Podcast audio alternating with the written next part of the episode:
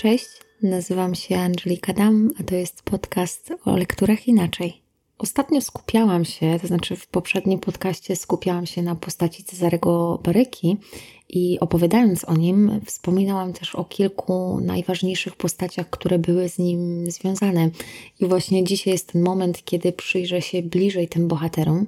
I właściwie na początek powiem, że zacznę od rodziców Czarka, Seweryna oraz Jadwigi, a następnie postaram się też powiedzieć kilka zdań o tych bohaterach, którzy chronologicznie później pojawiają się w życiu młodego Baryki, ale którzy w mniejszym lub większym stopniu będą wpływać na jego poglądy i też na jego los. Seweryn, jak już powiedziałam, był ojcem głównego bohatera. On był urzędnikiem w Baku i, jak mówił nam sam, sam, narrator jeszcze w rodowodzie, nie otrzymał w młodości specjalnego wykształcenia i nie miał określonego zawodu. Po prostu Seweryn to był taki człowiek, któremu w życiu zależało przede wszystkim na tym, by praca dostarczała mu odpowiednich środków, najpierw do utrzymania siebie, a potem też siebie i swojej rodzinie.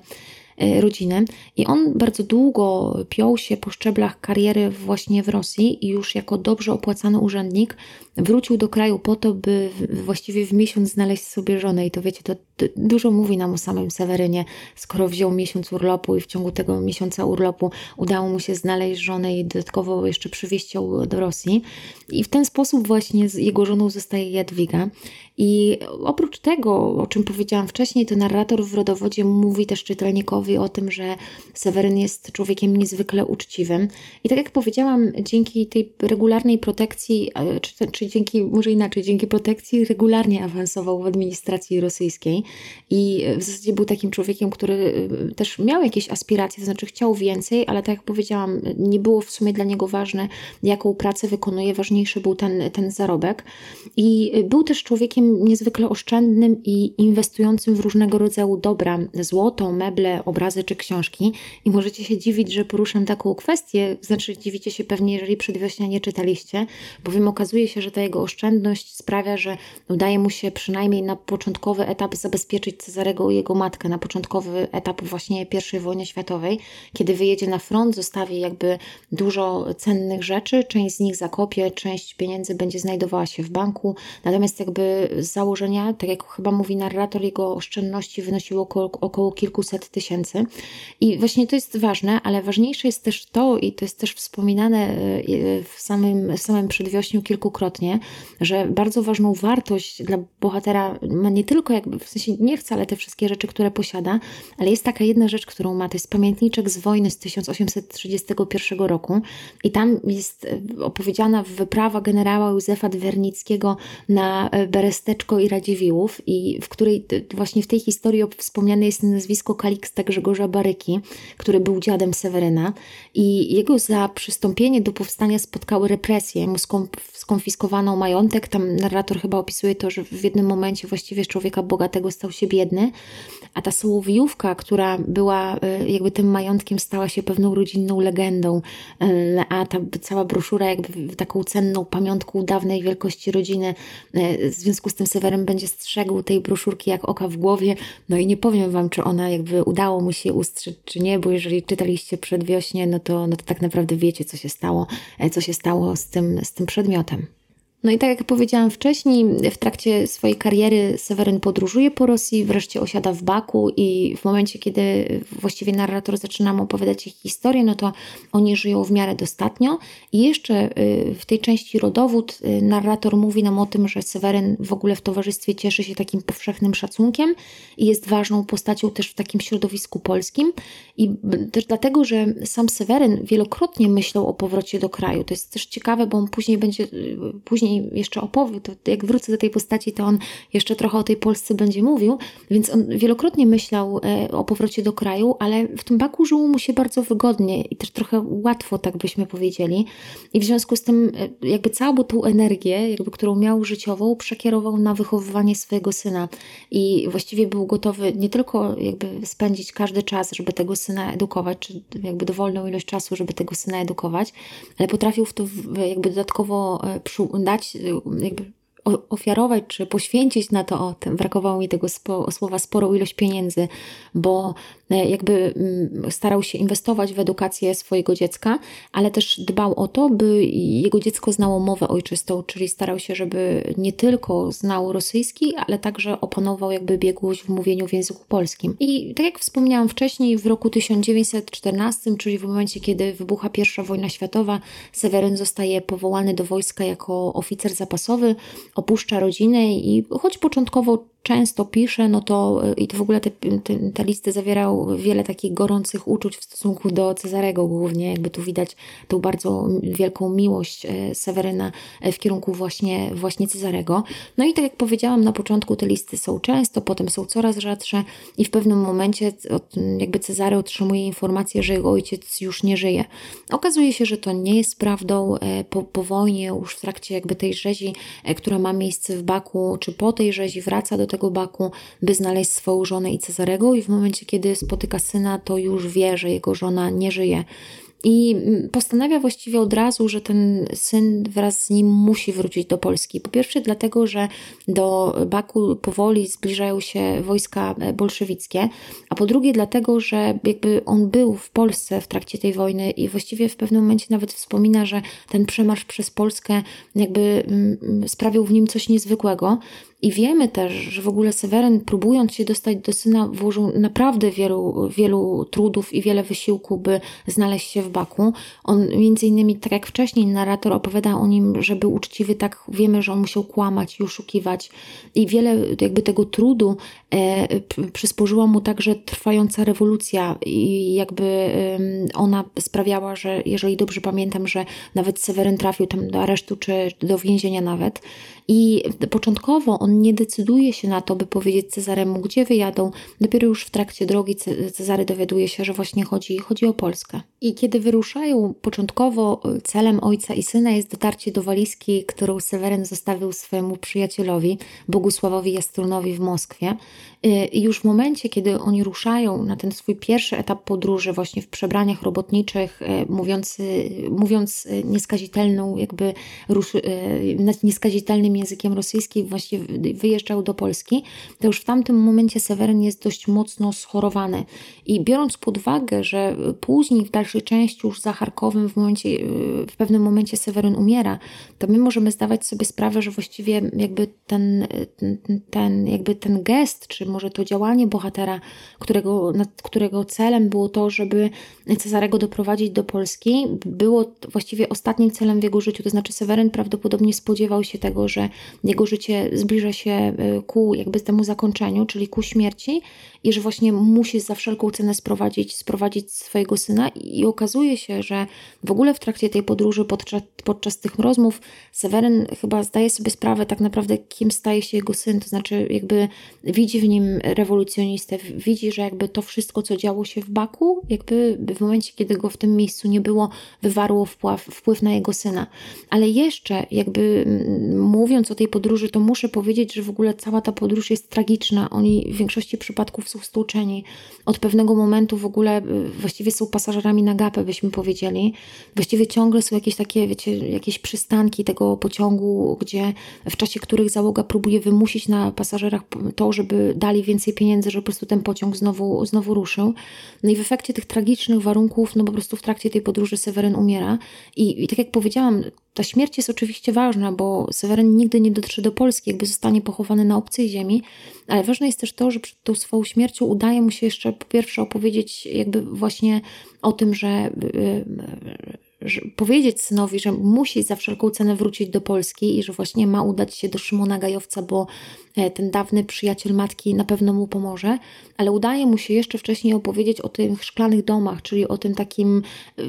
swojej wyidealizowanej wizji przyszłości Polski, w którym główną, jedną z głównych ról, czy główną rolę ma odgrywać ich rzekomy kuzyn Baryka, który jest twórcą właśnie tej nowej cywilizacji opartej na, na szklanych domach. I Pewnie się zastanawiacie tak naprawdę, czy, czy on naprawdę w to wierzył, czy może to był jego twór, jego umysłu, który jakby powstał pod wpływem choroby. Nie wiemy, nie? Wydaje, wydaje się raczej, że to jakby to, co on sam widział, miało raczej symbolizować to, jakie nadzieje pokładał w Polsce i jak jakby wielkim krajem w jego oczach tuż przed śmiercią stała się, stała się jego ojczyzna i właśnie z tego powodu uważa, że to Cezary powinien, Cezary powinien tam wrócić. Żoną Seweryna była, tak jak powiedziałam, Jadwiga z Dąbrowskich i wiecie już z tej mojej wcześniejszej części wypowiedzi, w jaki sposób e, trafiła ona do Rosji i w jaki sposób stało się to, że, że została e, żoną Seweryna. Ale nie wiem, czy wiecie, a powinniście wiedzieć, jeżeli czytaliście przedwiośnie, że e, są takie dwie ważne rzeczy, które charakteryzują Jadwigę. Pierwsza rzecz jest taka, że ona najbardziej na świecie kochała Siedlce i to tak bardzo je kochała, że potem wszystko, co w życiu widziała, za każdym razem przyrównywała do tego rodzimego krajobrazu i do tej swojej małej ojczyzny. Ale też ważne jest to, że zanim ona stała się żoną Seweryna Baryki, to kochała jednego mężczyznę, Szymona Gajowca. I ta miłość była prawdziwa. On, y, okazało się jednak, że on nie był dość dobrym kandydatem do jej ręki i jakby po prostu rodzina nie wyraziła zgody na ten, na ten ślub. Właśnie z tego powodu, że mm, Jadwiga jest taka trochę mm, niezakorzeniona w Rosji, że jakby właśnie gdzieś tam mm, no, marzeniami jest cały czas przy tym swoim dawnym ukochanym i przy, tym, przy tej ojczyźnie, to ona też nigdy nie poznaje dobrze języka rosyjskiego. Nie wiem, czy zwróciliście uwagę, w tej części rodowód narrator opowiada nam e, o kilku gafach, e, do których e, doprowadziło właśnie ta jej niedostateczna znajomość języka, języka rosyjskiego. W każdym razie po tym szybkim zapoznaniu się bierze ślub z Sewerynem i rodzi mu syna Cezarego Grzegorza i gdy jej mąż wyjeżdża na front, to głównie to, co nam opowiada narrator, to jest właściwie smutniejsza część jej życia. To znaczy nie, żeby wcześniej była jakoś szczególnie wesoła i żeby narrator nam opowiadał beztroskie chwile z życia tej bohaterki, ale tutaj raczej w tej części Szklane Domy będziemy świadkami y, takiej, nie wiem jak to ładnie powiedzieć, y, Y, jakiegoś takiego zmagania z procesem wychowania dziecka. To znaczy okaże się, że z jednej strony w listach do męża Jadwiga będzie udawała, że Cezary jest idealnym synem i w ogóle nie będzie mu mówiła prawdy o, o zachowaniu Czarka, ale Czarek był takim dzieckiem powiedzmy z piekła rodem, znaczy właściwie nie przejmował się y, swoją matką, nie przejmował się tym, w jaki sposób ona zdobywa pożywienie i w jaki sposób udaje jej się cały czas utrzymać mieszkanie. Nie przejmował się też problemami zdrowotnymi, które z czasem będą narastać, o tym jeszcze trochę, e, trochę powiem. I w zasadzie no, nie szanował nawet tej bohaterki, bo tutaj trzeba powiedzieć, że Cezary raczej ocenia ją jako mało inteligentną, to znaczy Widać, że on z pewnym pobłażaniem traktuje ją jako trochę zacofaną. To przede wszystkim widać w tych sporach, kiedy, czy w tych rozmowach, kiedy, bo to trudno nazwać sporami, bo Jadwiga bardzo szybko wycofuje się z tych rozmów, ale chodzi mi o te rozmowy, które dotyczą rewolucji. Ale to wcale nie jest tak, że ona nie jest mądra, jakby, bo ta jej mądrość wynika z pewnego doświadczenia. I to doświadczenie każe jej krytycznie patrzeć na e, rodzącą się w Baku rewolucję. I e, to jest ciekawe, że on, choć ona krytycznie ocenia zachowanie swojego syna i właśnie z takim niepokojem patrzy na to, jak on powoli staje się rewolucjonistą i to bardzo go kocha i to wszystko prowadzi do właśnie takiego rozdwojenia wewnątrz tej bohaterki, bo ona nawet jeżeli chciałaby bardzo mocno jakby tego swojego syna sprowadzić na ziemię po prostu i powiedzieć mu, czym tak naprawdę jest rewolucja i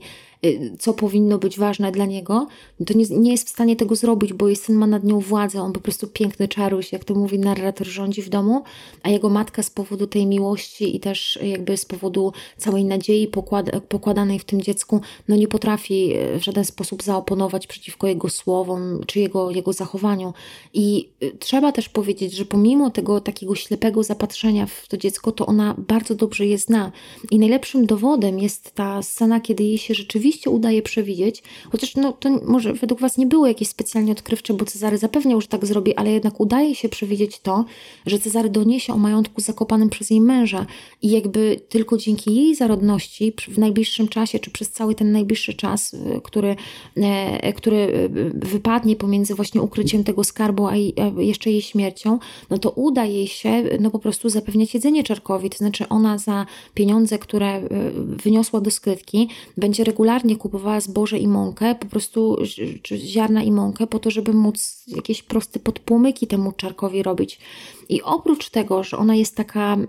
jakby bardzo, nie wiem jak to powiedzieć, uległa wobec nas, to znaczy ta miłość powoduje, że ona jest gotowa do wielu ustępstw, to trzeba też powiedzieć, że ta bohaterka ma dobre serce i to nie tylko w stosunku do swojego dziecka. I chyba najlepszym dowodem jest ta scena, kiedy ona pomaga tej księżnej spotkanej w porcie, mimo tego, że przecież ma świadomość konsekwencji, które mogą ją za to spotkać. I choć Cezary ocenia tę bohaterkę jako słabą i generalnie myślę, że i w Was mogła wywrzeć takie czy na Was mogła wywrzeć takie wrażenie kobiety słabej, zwłaszcza dlatego, że jej stan zdrowia jest naprawdę bardzo słabowity i przecież w pewnym momencie, pomimo tego, że ona wcale nie jest kobietą w podeszłym wieku, to narrator opowiada o niej, jakby ona była staruszką i właściwie ciągle widzimy, jak ona zmaga się z kaszlem, z bezsennością i właśnie z jakby coraz większym trudnością z poruszaniem się. To jakby ja chciałam powiedzieć, że ona nie jest bohaterką słabą, po prostu jakby jej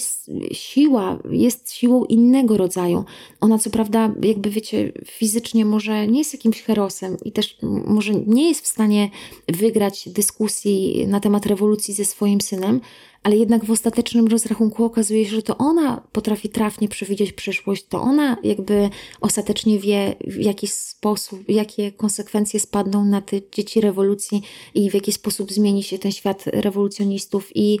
jakby to trzeba też jeszcze powiedzieć, że jakby te wszystkie trudy, które spadły na nią po wyjeździe męża, czyli po tym, no, no po wyjeździe męża, to nie były takie trudy, które tę bohaterkę złamały, tylko one dodatkowo jakby osłabiły ją fizycznie, ale przyczyniły się ostatecznie do jakiejś takiej, może nie chcę powiedzieć jej siły, ale przyczyniły się do tego, że na pewno my jako czytelnicy mogliśmy patrzeć na nią jako na silniejszą. I też to jest ciekawe, bo e, Cezary zda sobie sprawę z tego, że na swój sposób jego matka też jest silna, tylko zrozumie to dopiero tak naprawdę w pełni po jej śmierci. I trzeba o tym powiedzieć, że my jako czytelnicy współczujemy tej bohaterce, bo choć widzimy, że ona jako matka, no nie wiem, czy macie taką perspektywę, ale można chyba zobaczyć, że jako matka popełnia ona wiele błędów, to jednak one nie wynikają z tego, że nie wiem, jest egoistyczna, zapatrzona w siebie, czy cokolwiek innego ją wiedzie, ale jakby wynikają te błędy raczej z ogólnej słabości jej charakteru oraz z tej ogromnej miłości do dziecka, i czytelnik zaczyna, tak jak powiedziałam wcześniej, darzyć ją jeszcze nawet większą sympatią, sympatią wtedy, gdy ona bezinteresownie oferuje pomoc właśnie tym kobietom, o którym mówiłam, które spotkały, spotkała w porcie. Mówiąc o Jadwidze, e, e, wspomniałam też o Szymonie Gajowcu, czyli pierwszym ukochanym Jadwigi. W momencie, kiedy poznajemy go, to znaczy w momencie, kiedy Cezary dociera do Warszawy po przyjeździe z Baku i kiedy na prośbę ojca udaje się właśnie do Szymona Gajowca, no to ten bohater jest w tamtym momencie pełni funkcję wysokiego urzędnika w Ministerstwie Skarbu i on od razu zgadza się, czy od razu jakby jest pewny, że pomoże Cezaremu i daje mu nieetatową pracę w swoim biurze i załatwia mu też takie dobrze płatne korki z rosyjskiego. My wiemy, że Czarek przecież świetnie mówi po rosyjsku. I okazuje się, że to nie jest tylko, dzieje się to nie tylko dlatego, że Szymon Gajowiec jest człowiekiem, który ma bardzo dobre serce, ale dzieje się też tak dlatego, że on w przeszłości bardzo kochał Jadwigę, to znaczy nie tylko Jadwiga go kochała, ale on też obdarzał ją miłością. I właściwie dowiadujemy się z rozmowy pomiędzy Szymonem a, a Cezarym, że Jadwiga była jedyną miłością tego bohatera i skoro nie mógł być z nią, no to już nigdy więcej e, nie poślubił żadnej innej kobiety. I e, tutaj to uczucie będzie takie właśnie bardzo ciekawe, bo ono e, w pewnym momencie Szymon nawet powie, że nigdy nie, nie uścisnął ręki Jadwigi i nigdy jej nie wyznał swojej miłości, a jedynym jakby takim śladem po tym uczuciu był, był list, który napisał do niej na pożegnanie. I tak jak powiedziałam wcześniej, pomimo tego, że Cezary nie jest krewnym Szymona, to on czuje jakiś taki moralny obowiązek, żeby się nim opiekować. I widzimy to chociażby, kiedy Cezary przebywa na wojnie polsko-bolszewickiej, on wtedy prowadzi z nim korespondencję.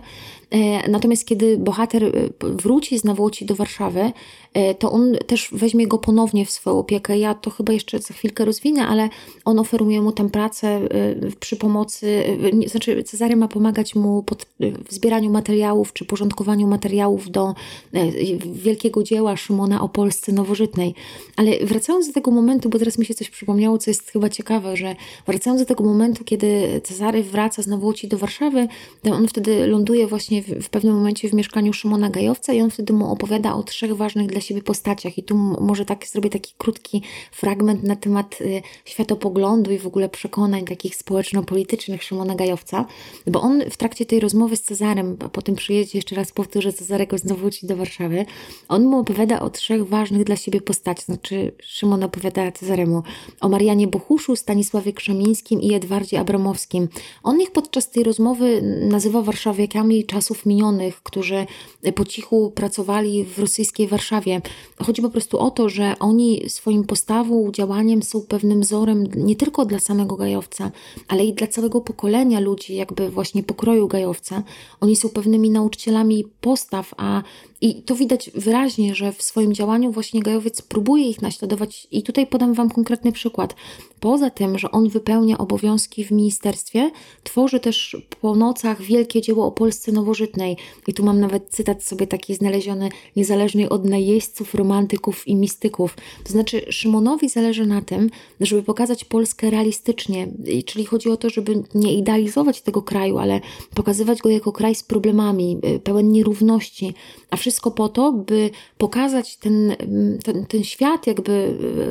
ten mały świat w Polsce, tym ludziom, którzy w, przysz którzy w przyszłości się nim zajmą, y, jako w sposób taki, wiecie, prawidłowy i bez ukrywania go i bez takiego, wiecie, patrzenia na niego przez różowe okulary, po to, by ci przyszli ludzie, którzy będą jakby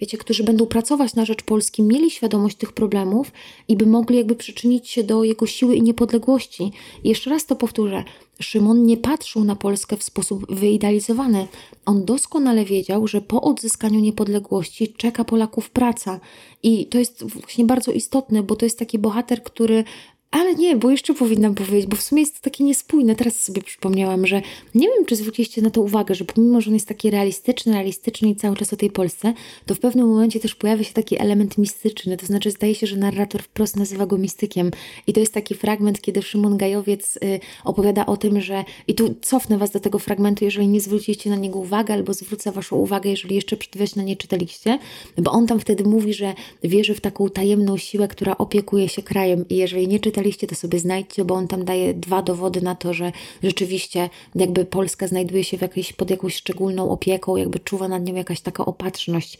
I ja chciałam jeszcze powiedzieć trochę o tych relacjach Cezarego i Gajowca, bo może się wydawać, że jak tam Gajowiec tyle ofiaruje, wiecie, tak wielokrotnie ofiaruje Cezaremu pracy, no to może się wydawać, że oni mają świetne kontakty. Jakby, jeżeli czytaliście przedwiośnią, to wiecie, że w pewnym momencie wyraźnie widać, że Cezarego nudzi Gajowiec, bo Gajowiec to jest taki człowiek, który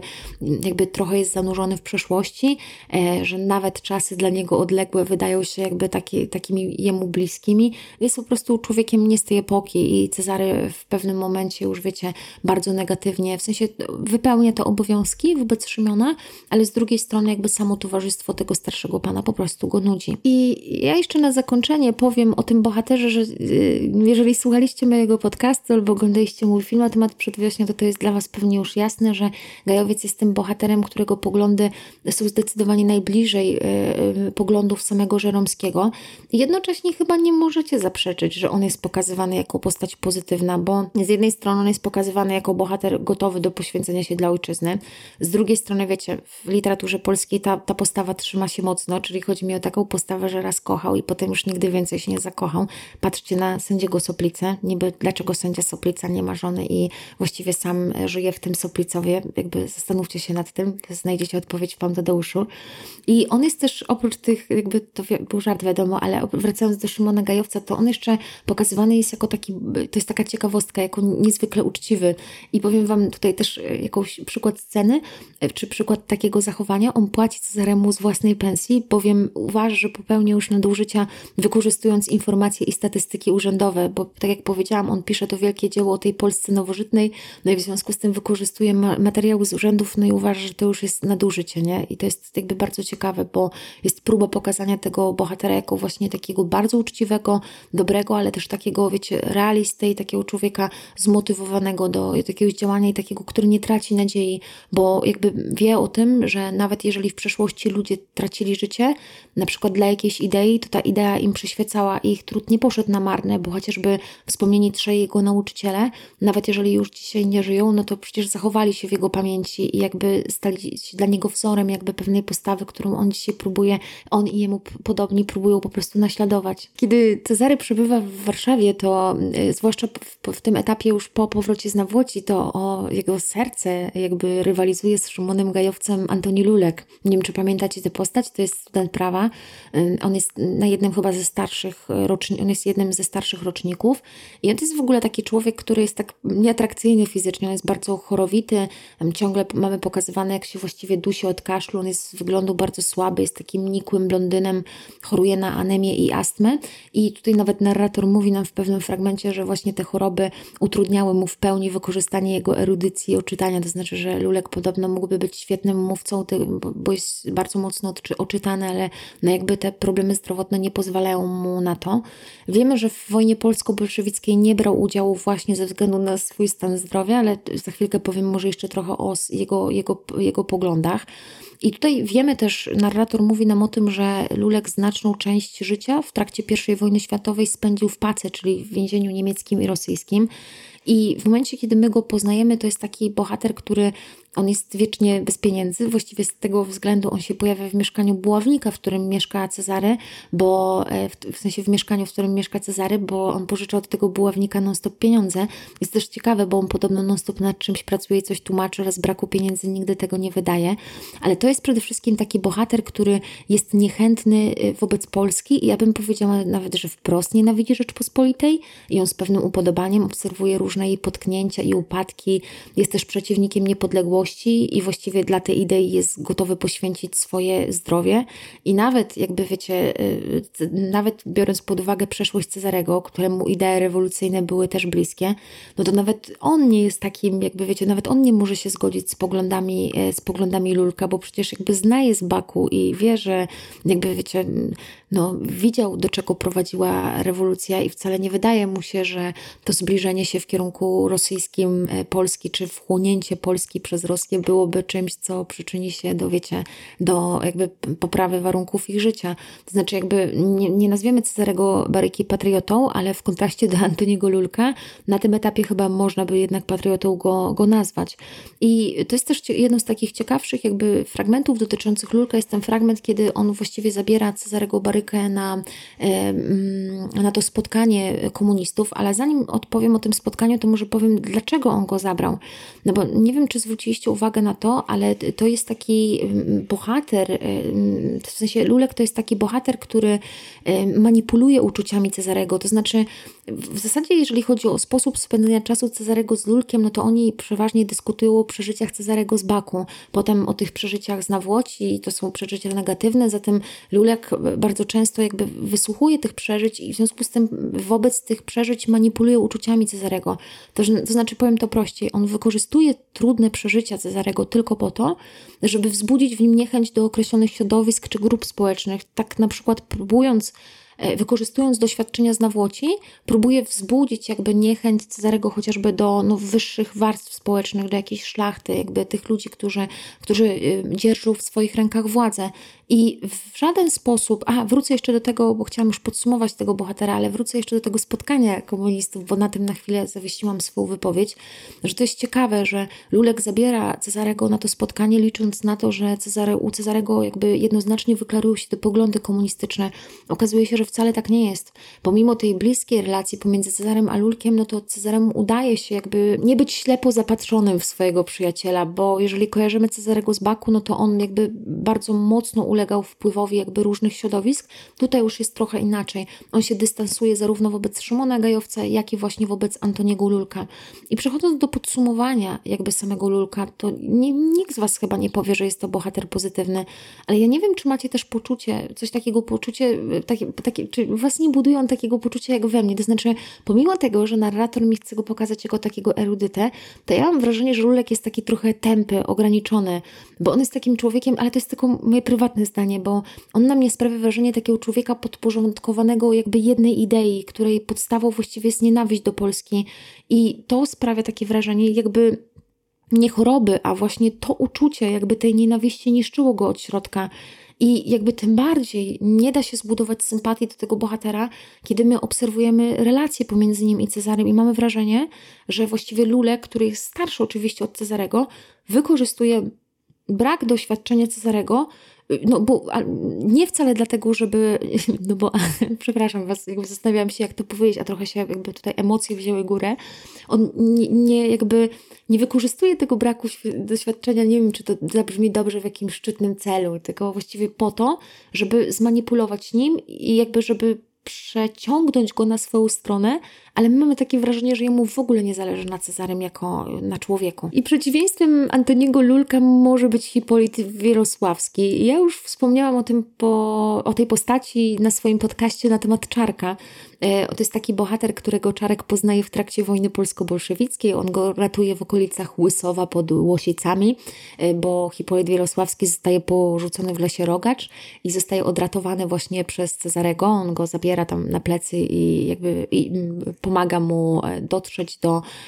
do, do powiedzmy współbraci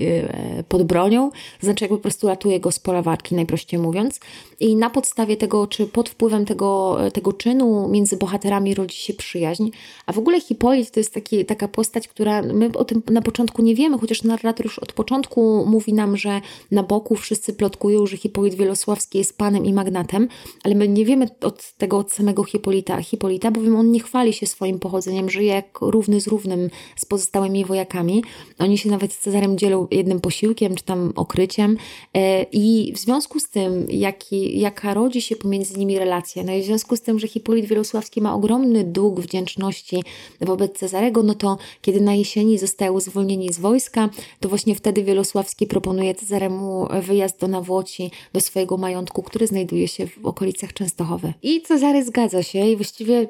jeżeli znacie przedwiośnię, to wiecie, że nie wiem, ale Hipolit powinien tego bardzo żałować, bo ten pobyt Cezarego w Nawłoci doprowadzi do straszliwych konsekwencji. Ale żeby się dowiedzieć, jakby co się dzieje, no to odsyłam Was no najlepiej do przedwiośnia, no a też jako y, taką dodatkową pomoc mogę Was też, mogę was, was też odesłać do, do mojego podcastu. W każdym razie wracając do Hipolita, to to jest taka postać, która zdecydowanie wzbudza sympatię czytelnika, właśnie w kontraście do Lulka, bo on jest otwarty nie tylko w, w stosunku do samego Cezarego, e, nie tylko w stosunku do swojej własnej rodziny, ale też nawet do swojej służby. Jest to w ogóle taki bohater, który pokazany jest jako taka postać, która potrafi się bawić, to znaczy on pije alkohol, jakby wiecie, lubi szybko jeździć konno i jakby w ogóle jest takim człowiekiem, który jest i do szabli, i do szklanki. I on się trochę zachowuje właśnie na tych swoich ziemiach jak taki prawdziwy magnat, wiecie, dużo je, dużo pije, dużo odpoczywa i w ogóle jest taki radosny i szczęśliwy, ale też stara się dbać o porządek jakby w tym swoim majątku. No i tutaj na szczególną uwagę zasługuje też to, że wiemy o tym bohaterze, że on zajął się swoją krewną e, Karoliną w momencie, kiedy ona straciła rodzinę i nawet wiemy, że e, ponieważ e, Cezary w pewnym momencie z Karoliną się zbliża, no to Hipolit nawet jakby ma w planach oddanie w posagu chłodka Karolinie, czyli części jego majątku właśnie e, po to, żeby młodzi mogli się tam urządzić, więc widzimy, że jakby ta rodzina e, i też przyjaźnie stanowiły dla niego bardzo ważną wartość i właśnie jest takim człowiekiem, który, nie wiem jak to ładnie powiedzieć, który, który jest po prostu dobry i, e, no i stara się dobrze traktować ludzi, ludzi wokół siebie. I takim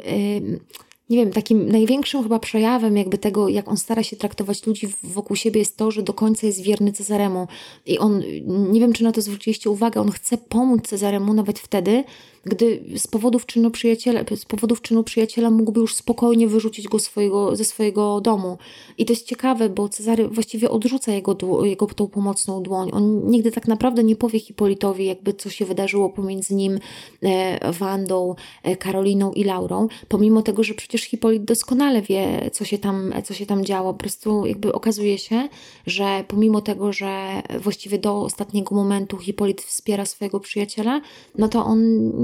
nie potrafi mu się zwierzyć. No, prosi tylko Hipolita właśnie o to, by pozwolił on mu na tygodniowy bądź dwutygodniowy wyjazd do, do Chłodka. No i właściwie w ten sposób kończy się ta jego relacja z, z Hipolitem, bo my już do tego bohatera więcej, więcej nie wrócimy.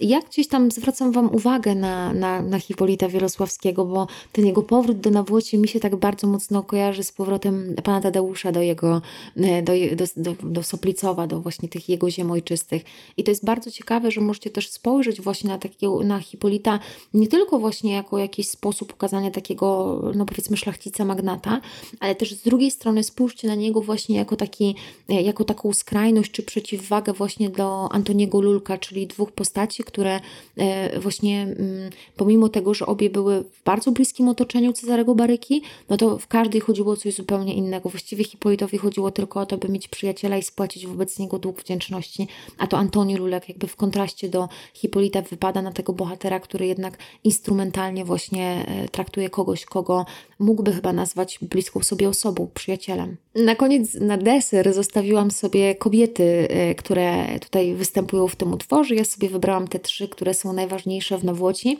Najpierw powiem o Laurze e, Kościenieckiej. Ona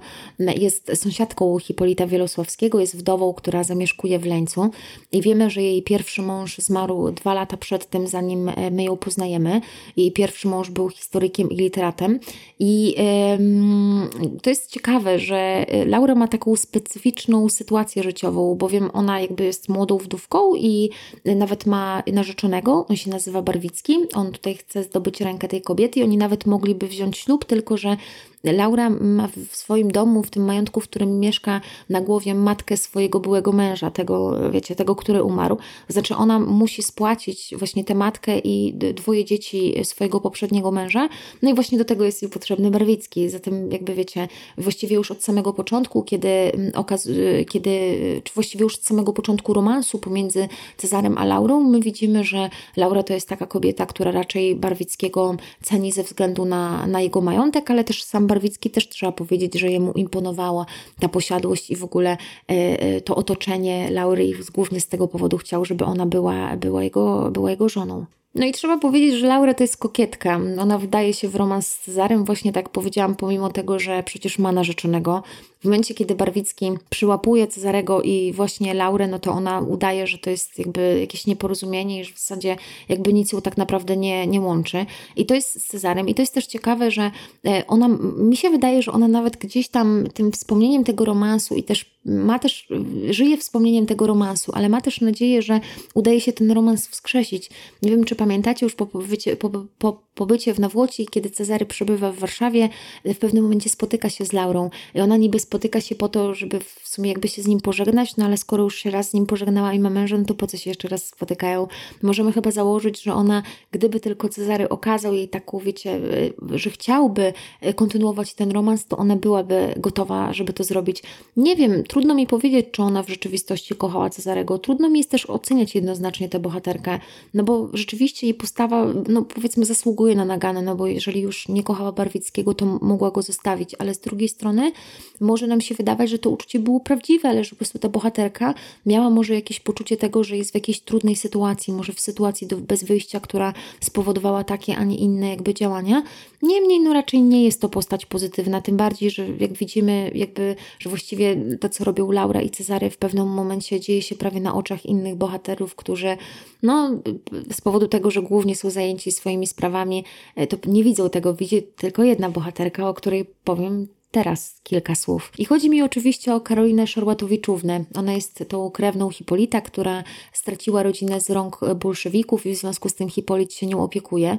Ona w pewnym momencie opowiada Cezaremu historię swojej rodziny i mówi tam wtedy, że żałuje, że nie jest mężczyzną, bo przez to, że jest kobietą, nie może nawet zemścić się za ich krzywdę. I my poznajemy Karolinę jako kobietę taką niezwykle dobrą, ale też właśnie dumną i wyniosłą i e, taką, która właśnie ma swój taki honor. To widać szczególnie w różnych jej kłótniach i starciach e, z samym Cezarem. Ale wiemy też, że ona jest e, właśnie taką nie wiem jak to powiedzieć, jest bohaterką podobnie jak Cezary, niezwykle jakby doświadczoną i tutaj widać to nie tylko przez to, że straciła rodzinę, ale też dlatego, że została wygnana ze swojej ojczyzny i właściwie tęskni za, za, za Ukrainą. Ona rzeczywiście, powiedzmy, że flirtuje z Cezarem, to znaczy przekomarzają się, potem Cezary całuje Karolinę i ostatecznie to ona właśnie zdaje sobie sprawę z tego, że Cezary ma romans z Laurą. Jako jedyna z towarzystwa Nawłockiego to zauważa, ponieważ sama jest zakochana w Cezarym, to pilnie śledzi każde jego spojrzenie. No i po prostu w pewnym momencie na, podczas balu na, w Odolanach odkrywa, że Cezary kocha się w Laurze i że wspólnie razem wychodzą. I to jakby jest przyczyną jej nieszczęścia, bo ona zdaje się, że była pewna wcześniej, że to, co robi Cezary, zmierza do jakiegoś konkretnego efektu. I tym bardziej jakby kuriozalna może się wydawać czytelnikowi śmierć tej bohaterki, bo na skutek nieporozumienia jakby Wandzie wydaje się, że Cezary kocha Karolinę, dlatego y, on postanawia ją otruć i y, ta śmierć właściwie nawet nie powoduje przemienienia głównego bohatera, to znaczy ona nie wywołuje wrażenia absolutnie żadnego na Cezarym. Wydaje się, że ona mogłaby być idealną kandydatką na ukochaną Cezarego, bo przecież oboje byli sierotami, los ciężko ich doświadczył i jakby byli w pewnym, moment, w pewnym momencie sobie tak bliscy, ale Cezary zaślepiony tym ogromnym uczuciem do Laury, tak naprawdę nawet nie potrafi w tej śmierci Laury upatrywać wiecie, takiego czynnika, który mógłby się przyczynić do jakiegoś jego odrodzenia wewnętrznego, do, nie wiem, do jakiegoś przyznania się przed samym sobą, że gdzieś tam w tym wszystkim on też przyłożył się do śmierci, do śmierci Karoliny. No przecież zignorował to, że miał przecież to poczucie, mógł dostrzec zachowania Wandy, że ona rzeczywiście się też w nim kocha. I ciekawe jest bardzo też to, kiedy ksiądz, taka scena, kiedy e, ksiądz Anastazy e, na grobie Karoliny, kiedy przyłapuje tam Cezarego, który spędza tam czas, mówi mu z wyrzutem tym, że ta kobieta prawdziwie się w nim kochała. My widzimy, że Karolina naprawdę wyobrażała sobie przyszłość, przyszłość z Cezarem. Tak jak powiedziałam, mogliby być oni idealnymi partnerami. Niemniej okazało się jednak, że, no, że Cezary miał inne rzeczy w tamtym momencie no, w głowie po prostu. I niech ostatnią bohaterką będzie zatem ta postać, która przyczyniła się do śmierci Karoliny. Chodzi mi oczywiście o Wandę Okrzyńską. W momencie, kiedy my ją poznajemy, ona kończy 16 lat i nie może, ma trudności z przejściem klas, z klasy 5 do 6. Wysłana jest w związku z tym przez rodziców do opiekę do, rząd, do rządcy w Nawłoci, który jest jej krewnym. Po prostu ma ona zniknąć z oczu z ojca, który ma ciężką rękę i w ogóle krzyczy ale to dziecko jest szczególnie wrażliwe. Dziewczynka jest utalentowana muzycznie i w pewnym momencie wielosławcy pozwalają jej korzystać z ich fortepianu. I ona zakochuje się w Cezarym, e, zwłaszcza wtedy, kiedy wspólnie grają. I jakby jest taka scena, kiedy grają właśnie na cztery ręce. I ponieważ pierwszy raz jest to, właściwie w życiu Wandy jest to pierwszy raz, kiedy ona jest tak blisko mężczyzny i przede wszystkim jest niedoświadczona w miłości, no to bardzo szybko tą bliskość, jakby ta bliskość sprawia, że w niej wybucha jakieś uczucie, którego ona wcześniej nie znała. I w zasadzie to jest ciekawe, że ona od początku wie, że dla tej miłości przyjdzie jej zginąć. I jakby to jest bardzo ciekawe, bo może gdyby mm, Wanda nie była tak nieśmiałą i skrytą bohaterką, to może by miała odwagę, żeby skonfrontować to swoje uczucie z Cezarem i po prostu powiedzieć mu o tym. On by ją wyśmiał, wiecie, ona by cierpiała, ale ostatecznie rana by się zabliźniła, e, wiecie, by się zasklepiła i przy tym wszystkim Wanda zdałaby sobie sprawę, że tak naprawdę jakby Cezary nie jest mężczyzną, który godzien jest jej uczuć. Stało się jednak inaczej. Ona jakby kochała, zakochała się w Cezarym, ale jakby uważała gdzieś tam w logice zachowania tej bohaterki, czy w myśleniu tej bohaterki doszło do takiego jakby w umyśle tej bohaterki po prostu zrodził się taki pomysł, że jeżeli wyeliminuje jakby Karolinę, no to sama stanie się jakby, wiecie, kolejną kandydatką do skierowania jakby na nią te, tych uczuć ze strony Cezarego. I to są oczywiście moje przypuszczenia, bo my nie wiemy o tym, bo właściwie do samego końca Wanda nie chce się przyznać do tego, że to ona odpowiada za śmierć Karoliny, pomimo tego, że dowody są oczywiste, pomimo tego, że znaleziono u niej jakby w mieszkaniu, w którym mieszka, znaleziono y, po prostu truciznę, to do samego końca nie chce przyznać, że to właśnie ona jest odpowiedzialna za, za, za śmierć tej bohaterki. Ale z drugiej strony, ja zawsze jak czytam przedwiośnie, to już tak na zakończenie wam powiem i to jest takie mm, coś, co ja prywatnie zwykle mówię uczniom, to znaczy nie każę im tego pisać na maturze, ale to jest gdzieś coś takiego, o czym ja mówię, że mi się wydaje, że dzisiaj Wanda byłaby zupełnie inaczej, inaczej oceniona przez swoją rodzinę i w ogóle to jest niesamowite, że ona z jednej strony sprawia wrażenie takie trochę opóźnione intelektualnie, a z drugiej strony jest szczególnie uzdolniona w innym zakresie, w, w tym wypadku jakby w zakresie jakby kompozycji, tworzenia muzyki po prostu. Świetnie gra. I to jest niezwykle ciekawe, bo, bo ona wcale okazuje, być może wcale nie jest tak, że Wanda jest taką bohaterką, którą do działania jakby tego, do tego, co robi, czyli do otrucia Karoliny prowadzi, wiecie, jakby słabość myślenia i to, że nie zdaje sobie sprawy z tego, jakie konsekwencje ją za to spotkają. Być może chodzi po prostu o to, że ta niezwykła wrażliwość ją do tego wiodła i właśnie to, że jako artystka nie potrafiła zapanować nad tymi uczuciami. No my ostatecznie się tego nie dowiemy, no bo tak jak mówię, no Wanda sama nigdy nie wyjawi e, powodu i motywacji, motywacji swojego działania. No i na dzisiaj to tyle. Mam nadzieję, że ten mój długi podcast na temat bohaterów e, przedwiośnia Wam się spodobał i że okaże się w miarę przydatny. Starałam się wiernie z książką go robić, więc mam nadzieję, że odnajdziecie w nim też dużo takich fragmentów, jakichś cytatów wprost Żeromskiego, właściwie z narratora Żeromskiego, bo, bo taki, takimi cytatami, cytatami też się dzisiaj posługuję. No i jeszcze raz, dzięki za dzisiaj i do usłyszenia.